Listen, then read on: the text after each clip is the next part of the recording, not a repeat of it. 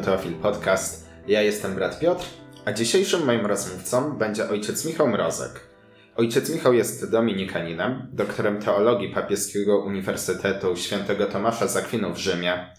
Obecnie ojciec mieszka w Warszawie, gdzie jest wicedyrektorem Instytutu Tomistycznego i sekretarzem przeglądu tomistycznego. Jeśli jesteście ciekawi, jaka jest recepta na szczęście i sukces według Tomasza z Akwinu, zostańcie z nami. Zapraszam. Szczęść Boże, Ojcze. Witam. Jak się pewnie łatwo domyśleć, ojciec jest znawcą Tomasza z Akwinu i będę chciał wykorzystać trochę ojca w tym zakresie. Tomasz bez wątpienia był wielkim teologiem, wielkim teologiem był, ale wydaje mi się, że czasem wielkich teologów, wielkie postacie warto przetestować poprzez zestawienie ich z takimi prostymi, codziennymi sprawami. Jak na przykład taka. Jestem w trakcie pisania licencjatu, przeczytałem mnóstwo literatury, przemyślałem temat, wybrałem sobie nawet coś poszczególnego, na czym chciałbym się skupić, ale gdy siadam przed kartką papieru, kartką papieru, która jest oczywiście elektroniczna w Wordzie, no to nie wiem jak ruszyć dalej. Myślę, zastanawiam się, e, próbuję podejść jakoś do tego tematu i temat jak nie szedł, tak nie idzie. Tomasz napisał wiele, był na pewno zdolny w tym, e, co robił, więc liczę, że jakoś by mi pomógł. Ojciec jako znawca Tomasza, co by mi powiedział? Czy Tomasz mógłby mi coś poradzić?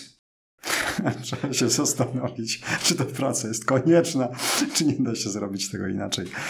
Pozwalam sobie tutaj pożartować. Natomiast myślę, że, że pewnie u Tomasza byśmy zaczęli od takiego ogólniejszego pytania, czy pytań wobec wszystkiego. To znaczy, że on zawsze zaczynał od początku. To znaczy, że najpierw może dobrze będzie określić, y, po co to robię, co robię, jaki mam własny osobisty cel w tym do osiągnięcia, e, na czym on miałby polegać.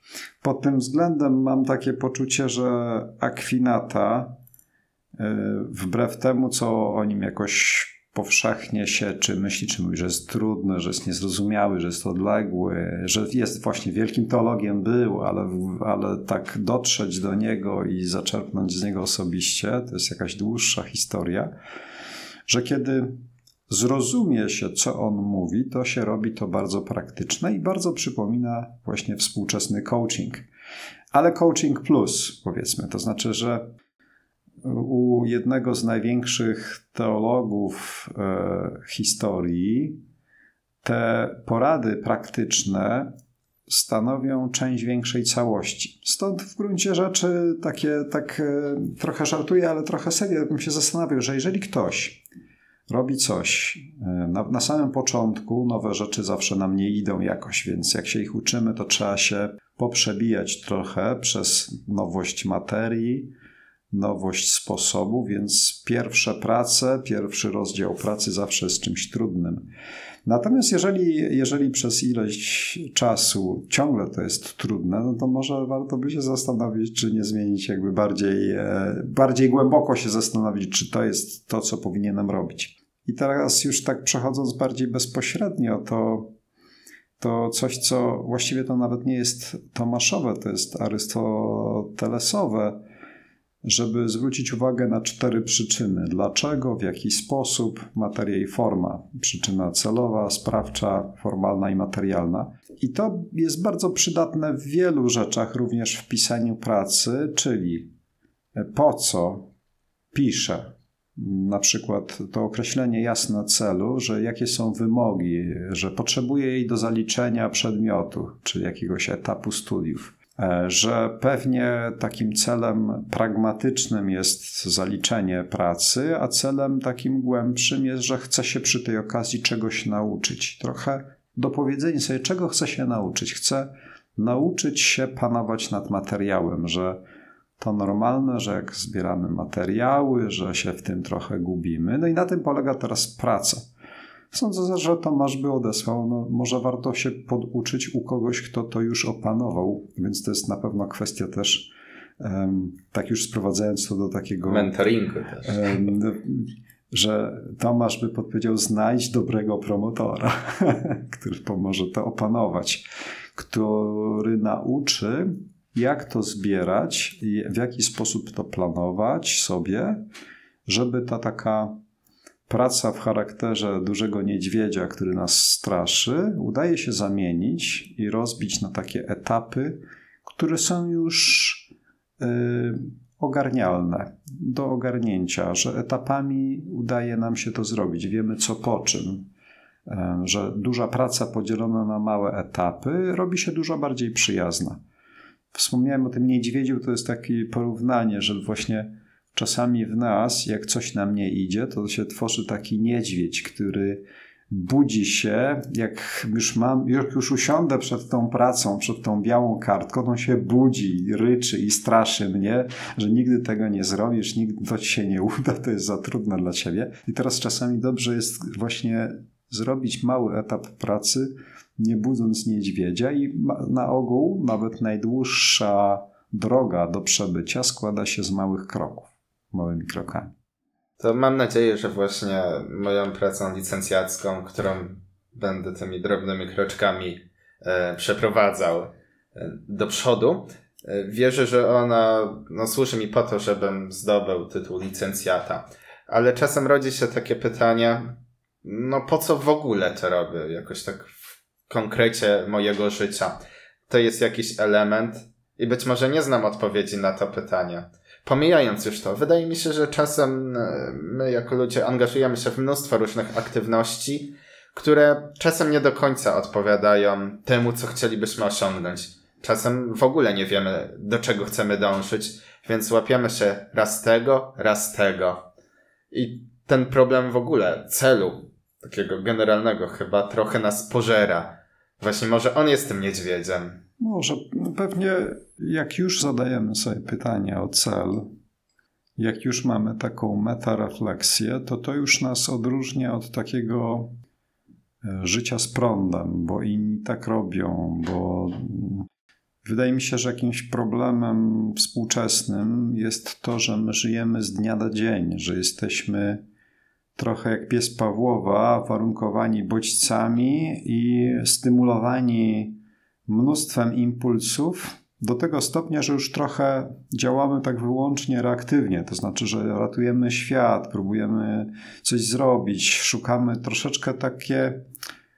E, to bywa chaotyczne i, i krótkoterminowe. To znaczy, chcemy mieć sukces, ale taki na, na trochę przystanek na żądanie. Teraz, tutaj. Wydaje mi się, że, że w ogóle to jest taką cechą tych wielkich tradycji, długich tradycji, sprawdzonych od wieków, że one tak uczą nas takiej trochę innej perspektywy, że żeby zadać sobie pytanie o cel, taki, który jest długoterminowy. To znaczy, że co mogłoby się zadziać w moim życiu takiego, co chciałbym, żeby się stało, że będę miał poczucie, to jest dobre życie, że to jest coś, na czym naprawdę mi zależy. E, I to już nas wyprowadza poza tę taką gorączkę złota, gorączkę sukcesu, gorączkę takich szybkich odpowiedzi, że wydaje mi się, że każdy człowiek gdzieś nosi w sobie takie bardziej podstawowe pragnienie takiego głębszego sensu w życiu, zrobienia czegoś, co będzie trwałe, co będzie dobre, co będzie solidne, co, co jakoś dobrze przełoży się na życie innych ludzi i moje własne, i że tylko wskutek jakiegoś takiego nie wiem, no zakręcenia rezygnujemy z tego, ale to gdzieś w nas tkwi, że chcielibyśmy, żeby moje życie jakoś przyczyniło się do takiego głębszego dobra że nawet na zasadzie przysłu, że mamy poczucie, że życie przecieka nam przez palce, że mamy jakiś takie, taki niepokój czasami, że coś ważniejszego w życiu mi umyka, ucieka. I że nie chcę na to pozwolić, ale im bardziej to gonię, tym bardziej to ucieka. I wtedy być może taka również wycieczka do, do starych tekstów, czy do, do mistrza Akwinaty, może być takim pytaniem, no dobrze, tak by co uważasz za najbardziej wartościowe, co jest celem, co jest szczęściem, co jest jakimś podstawowym wyznacznikiem e, tego, że, e, że to ludzkie życie jest dobre, jest mądre. I tutaj od razu taka, taka już w punkcie wyjścia byśmy powiedzieli, że w gruncie rzeczy na te najbardziej proste pytania o, o, serce człowieka, o szczęście, są bardzo głęboko religijne. To znaczy, że no właśnie od czego zależy to głębsze moje szczęście. Myślę, że już na takim naturalnym poziomie byśmy szukali w miłości, w relacjach, w takim osiągnięciu e, profesjonalizmu, które nie jest prowizorką. Że jakoś takie, nie wiem, jak sobie próbuję to, tego Tomasza przetłumaczyć na taki ludzki, czysty poziom, to bym poszedł w to. Natomiast ewidentnie wiara i Pismo Święte, ten obraz taki ludzki nam w taki niesamowity sposób doprawia go. Nie, że całkowicie go wywraca, ale że jakby nadaje mu nowy poziom głębi, w którym zaczynam widzieć, ok, za poszukiwaniem sensu i głębi i pragnieniem szczęścia tkwią jakieś pragnienia, które po ludzku są niezaspokajalne, no bo nawet zaszczepiony nie będę żył wiecznie, nawet e, jak będę pracował i skończę 15 kursów zarządzania, bycia zadowolonym, szczęśliwym, e, mikronawyków czy różnych innych rzeczy, to prędzej czy później okazuje się, że te różne kursy, poradniki popychają nas w jakichś konkretach do przodu, ale nie wystarczą jako taka uniwersalna odpowiedź. I tu mam wrażenie takie, że to pod tą warstwą takiego poczucia poszukiwania sensu kryje się również duchowa potrzeba takiego wielkiego sensu, że od kogoś to wszystko zależy, ktoś nadaje temu sens wbrew tym niewymiernościom czy bezsensom ludzkiego losu czy życia. Jak czytamy Kocheleta, to mam takie poczucie, on ma trochę racji. Marność nad marnościami, wszystko marność. No, był człowiek bogaty, ale zbiedniał na końcu, czy zachorował. I teraz ktoś dokonał bohaterskich czynów, ale umarł i został zapomniany. Jak to jest? No, gdzie sprawiedliwość na tym świecie? No nie bardzo jakby, nie jest tak łatwo znaleźć takie po prostu bajkowe zakończenia, ale w gruncie rzeczy za nimi tęsknimy. I tak sobie myślę, że Tomasz na pewno mi osobiście pomógł poukładać ten ludzki poziom z tym nadprzyrodzonym poziomem, że to gra razem, że to nie gramy przeciwko sobie, że natura i to, co najgłębsze we mnie, nie gra przeciwko wierze i przeciwko Panu Bogu, wręcz przeciwnie.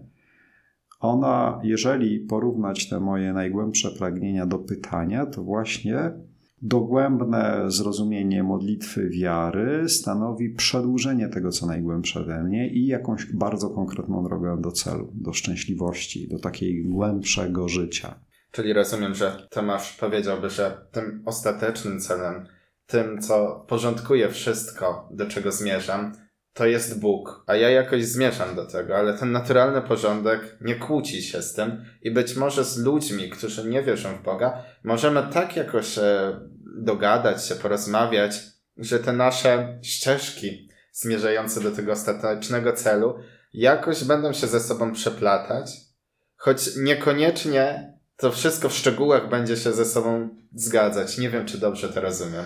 Tak myślę sobie, że ten stworzony świat jest, jak wierzymy, stworzony przez mądrego Stwórcę. Więc również w naturalnych rzeczach, dobrych rzeczach, e, są bardzo głębokie e, wartości i dobra. Myślę sobie na przykład o tym, że człowiek, który ma w sobie taką zdrową godność, chce żyć uczciwie, nie zgadza się na to, żeby żyć w jakimś takim zakłamanym układzie. I wydaje mi się, że już na tym poziomie, takim praktycznym, w takim sensie, że, że jakoś buntujemy się przeciwko temu, że coś jest e, jakoś takie zmanipulowane, nieuczciwe, nieprawdziwe, że wszystkie systemy totalitarne, jakie na tej ziemi istniały, istnieją i będą istnieć, zmuszają człowieka i ograbiają go jakoś z jego takiej, takiego wewnętrznego blasku i praktycznie zawsze pojawiają się ludzie, którzy się przeciwko temu buntują, którzy mówią niewygodne rzeczy i zarazem takie mocno prawdziwe rzeczy. Więc jak sobie myślę o takim naturalnym dobru, to tu jest jakieś bardzo głębokie spotkanie tego, co naturalne i tego, co jest jakoś tak przychodzi z góry z pomocą. Jestem głęboko przekonany, że Bóg tym wszystkim takim dysydentom, w tym najlepszym tego słowa znaczeniu, głęboko pomaga. To przede wszystkim tą wrażliwością, tą takim uporem wręcz, żeby bronić prawdy, żeby bronić wartości, które nadają życiu sens, żeby z tego co z tego, że ja jakby ocalę życie czy materialne dobra, jeżeli jakby nie będę miał po co żyć, że będziemy żyć w jakimś Orwellu, że to, to byłoby dosyć bezsensowne. I tak sobie myślę, że to trochę trudno jest tak e, jednoznacznie docisnąć i tak jak linijką na kartce odkreślić, tutaj się kończą te dobra naturalne, od tego miejsca, że istnieje jakieś głębokie przenikanie ale na pewno jakąś wielką zasługą dla mnie Akwinaty jest to, że, że nauczył mnie myśleć, że to są rzeczy rozróżnialne, że dobrze jest w miarę możliwości to ponazywać, gdzie się coś kończy, gdzie się kończy ludzki rozum, a gdzie zaczyna się już taka nadprzyrodzona przestrzeń że samo wprowadzenie takiego porządku też coś, e, coś układa. To znaczy, że na przykład niektóre rzeczy zyskują kują nowe życie. Wspomniałem o tym takim dobijaniu się o prawdę, o uczciwość, że człowiek, który wie, że wybranym i przybranym imieniem Chrystusa jest prawda, ja jestem drogą prawdą i życiem, znajdzie w nim też taką nową moc, że ja chcę się opowiadać za prawdą, bo Chrystus jest prawdą, że zyskuje dodatkowy motyw, bardzo głęboki, że, że właśnie Chrystus jest przeciwko kłamstwu, sam będąc prawdą, będąc mądrością, więc jest też przeciwko głupocie. Więc jeżeli jakoś przeszkadza mi w życiu głupota, nieodpowiedzialność, zakłamanie, to okazuje się, że wiara mi tego nie wyburzy, że trudno jest jakby, tak jak mówię, linijką tutaj odrysować, gdzie to kończy się jedno, a gdzie zaczyna się drugie, że Pan Bóg działa tajemniczo, ale jednocześnie, że to takie porządne życie, porządny świat wartości, taka, taka dbałość o to, żebyśmy się rozwijali w zgodzie z prawami, których nie tworzymy, które można odkryć, będąc po prostu takim uważnym człowiekiem, że to nas bardzo mocno podprowadza też pod te rzeczy takie niezwykłe, płynące z góry, nadprzyrodzone. Dobrze, rozumiem, że mamy ten cel, odkrywamy te wartości, E, które stają się dla nas jakoś ważne, ale też szukamy drogi, która do nich prowadzi, bo no, same wartości są jakoś ogólne, są bardzo ogólne.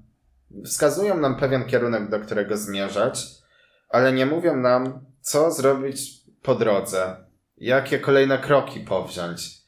Czy Tomasz zdradza nam jakąś receptę, daje jakiś know-how, co po kolei robić, czy, czy są jakieś właśnie etapy, na które, które powinniśmy po kolei zaliczyć? Czy są jakieś praktyki, ćwiczenia, które możemy robić, żeby zarazem odkrywać te wartości, ale i do nich zmierzać?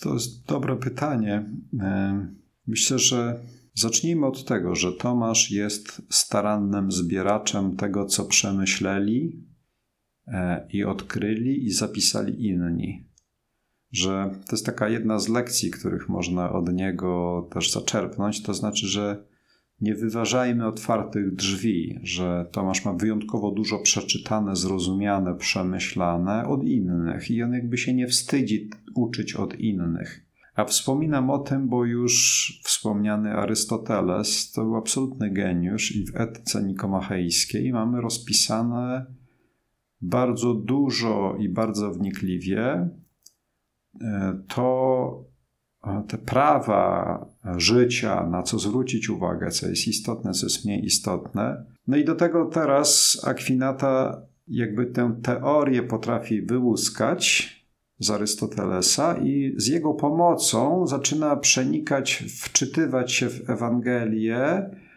i wydobywać stąd jakby rzeczy, które tam są, tylko że mając jakby nowe narzędzia takie filozoficzne, źródłowe, wyłuskać tam nowe treści, które wcześniej też się w taki czy w inny sposób były odkryte.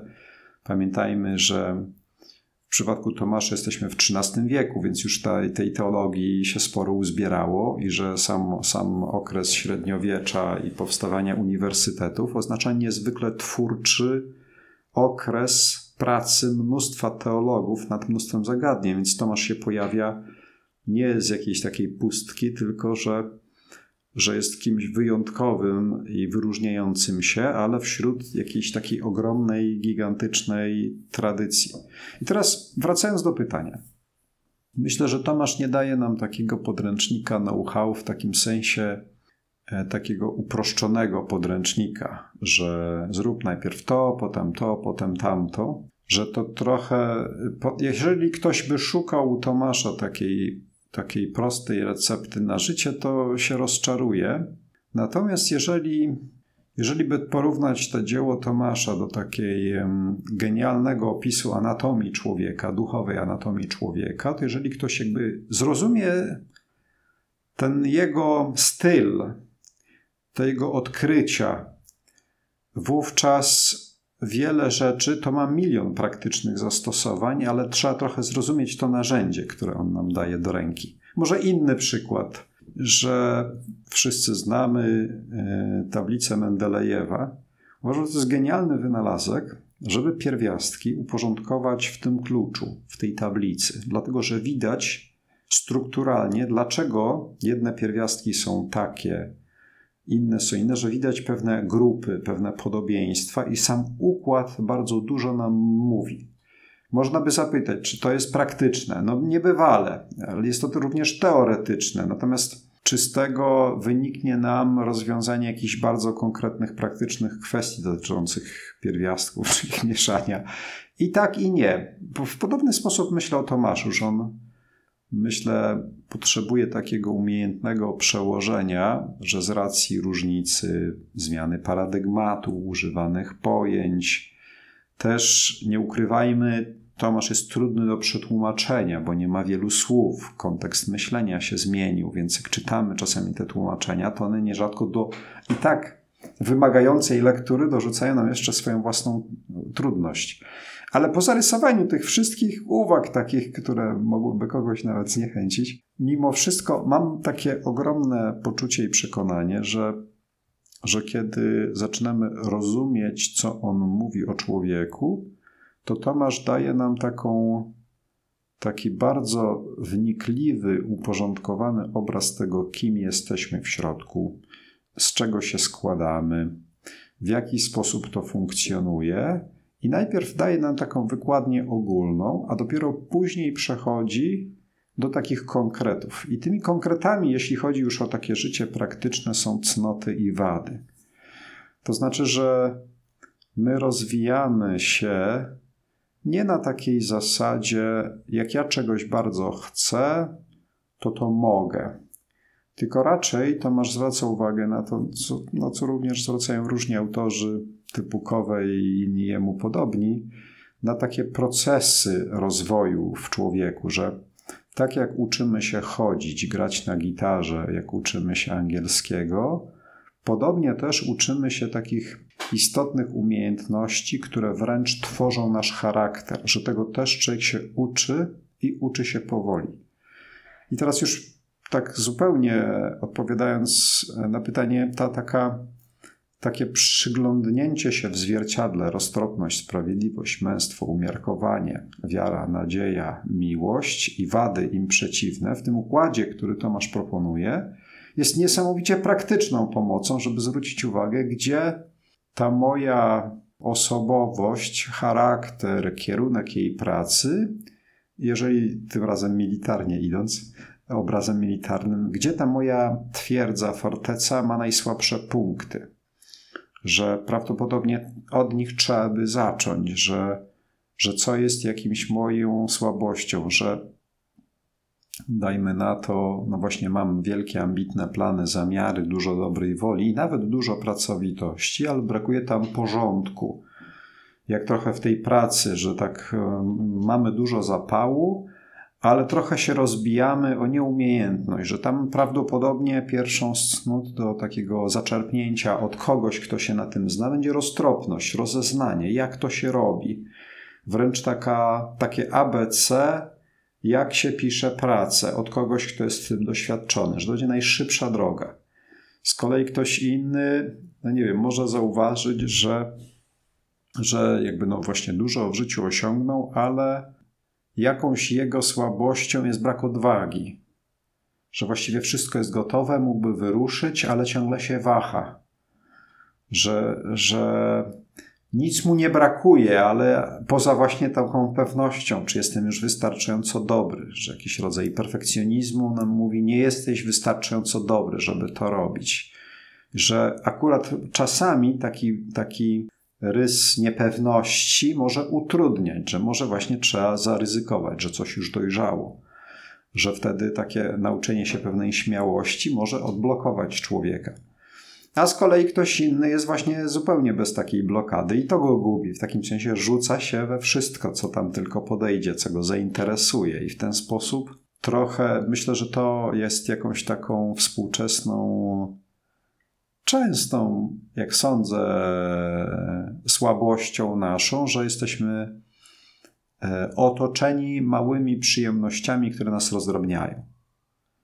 Że smartfony, media społecznościowe, te małe przyjemności i natychmiastowe nagrody, mikronagrody e, sprawiają, że człowiek staje się niewolnikiem, tak podświadomie nawet, że ilość czasu, energii, którą poświęca się na rzeczy, które kompletnie nie mają przełożenia takiego długoterminowego na cokolwiek, że że przeglądając ileś stron internetowych, czy tam właśnie rozmawiając o rzeczach, które nie mają większego znaczenia dla mojego życia i dla mojego rozwoju, jak gdzieś tracę czas. I teraz znowu umiejętność takiego zobaczenia, aha, tu jest problem, tu potrzebuję może czegoś, co się dawniej nazywało umiarkowanie, umiar, że potrzebuję sobie, sobie tego odmówić, ale zarazem dać sobie w to miejsce coś innego, co odpowiada na jakąś realną potrzebę we mnie, żeby nie tylko być takim policjantem samego siebie, który się tylko dyscyplinuje, ale że paradoks polega na tym, że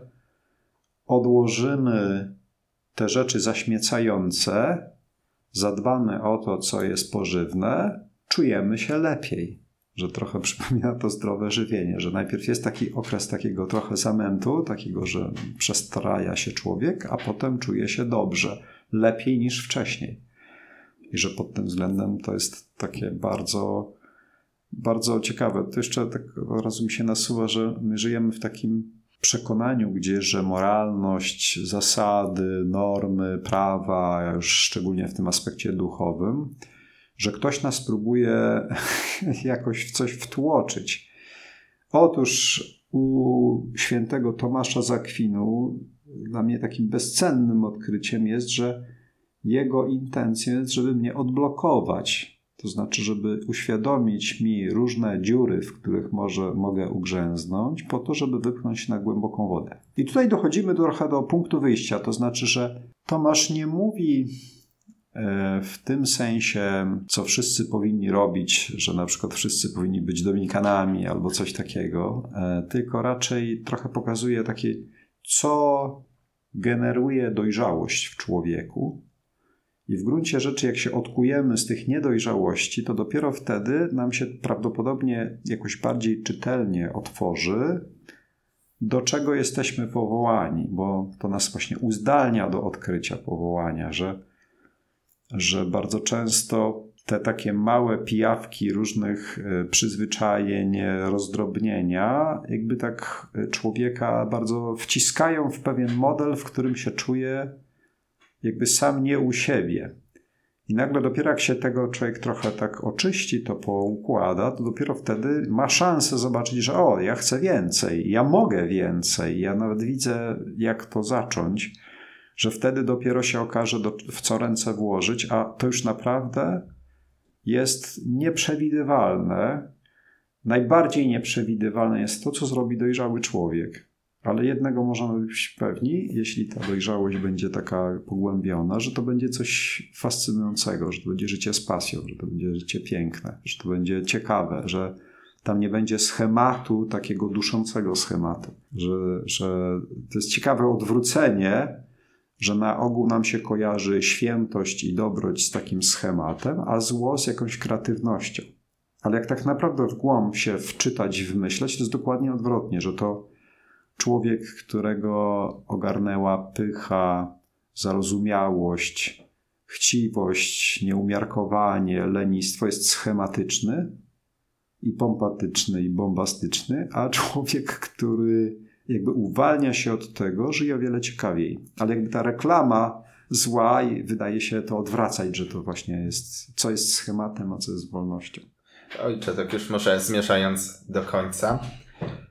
Podobno każdy kaznodzieja w swoim życiu głosi jedno kazanie, a każdego myśliciela można by było streścić do jednej sztandarowej idei. Jaka jest taka sztandarowa idea Tomasza, którą mógłby nam bez yy, tutaj żadnego wahania przekazać?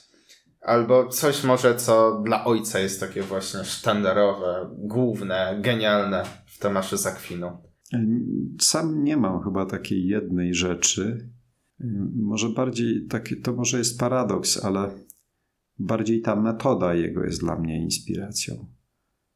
Pierwsza rzecz e, to jest taka odwaga szukania prawdy i wsłuchiwania się w każdego, że wszędzie można znaleźć prawdę. Nawet w zarzutach, nawet w tej krytyce warto wyłuskać, jaki aspekt ona pokazuje. To jest pewna taka trochę meta uwaga, ale ona jest o tyle ważna, że, że można mieć taki stosunek do świata e, właśnie trochę pełen obaw, podejrzliwości, takiego trochę zamykania się, a Tomasz uczy czegoś takiego, takiej, takiej, że jeżeli tylko potrafimy strawić głębiej, zrozumieć świat, to ponieważ to jest świat przez Boga stworzony, to my coś zawsze zyskamy. Więc myślę, że to jest taka na poziomie takim meta, trochę takiego podejścia, pewnej otwartości. Co do takiej jednej myśli, e, nie wiem, wydaje mi się, że na pewno cenne, ale to znowu będzie zestaw, więc nie wiem, czy na zakończenie to jest dobre, ale dobrze, tak przynajmniej zarys, w takim sensie, że zwrócenie uwagi na to, że Pan Bóg nas stworzył, że my mamy pewną swoją konsystencję, żeby szanować swoją własną naturę, żeby próbować siebie głębiej zrozumieć, żeby nie przeskakiwać siebie, że, że w związku z tym czasami nawet radzę innym, żeby dziękować Panu Bogu za to, czego w sobie nie rozumiem. Bo to nas jakby otwiera i przesuwa w stronę takiego, że, że być może mam w sobie głębszy porządek niż ta moja świadomość, że to co zmienia coś z naszego nastawienia. Eee, I co jeszcze? No pewnie dużo by mówić, ale, ale w ramach konkluzji pewnie najważniej, jedną z najważniejszych rzeczy, którą u Tomasza znalazłem, to jest to, że w takim pogłębionym życiu sensownym ja odnajdę głębiej siebie. Że to nie jest trochę tak, że jak my będziemy służyć Bogu, żyć uczciwie, żyć solidnie, żyć cnotami, to my siebie zagubimy, tylko że on jakby rozwinął to, co jest w Ewangelii w formie obrazu ziarno, jeżeli nie obumrze, zostaje sam, jako obumrze przynosi owoc obfity, że dzięki Tomaszowi wydaje mi się, że jakoś to, to zrozumiałem, że to daje się przełożyć na moje życie, w takim sensie, że kiedy ja zaprzęgnę moje życie w służbie ważnym sprawom, ważnym rzeczom, się im oddam i poświęcę, to, to, nie, to moje życie stanie się dużo bardziej pełne pasji, mocy, rzeczy ważnych i nieprzypadkowych. I że to jest jakieś wielkie odkrycie, że Tomasz nie tylko jako coach, ale jako mistrz duchowy y, pokazuje, jak się wyprostować, jak żyć pełnią życia. Dziękuję Ojcu za rozmowę. Również dziękuję. Z Bogiem. A wszystkim, którzy nas słuchaliście, życzę szukania siebie i odnalezienia siebie, abyście mogli żyć pełnią pasji. Wszystkiego dobrego, z Bogiem, cześć!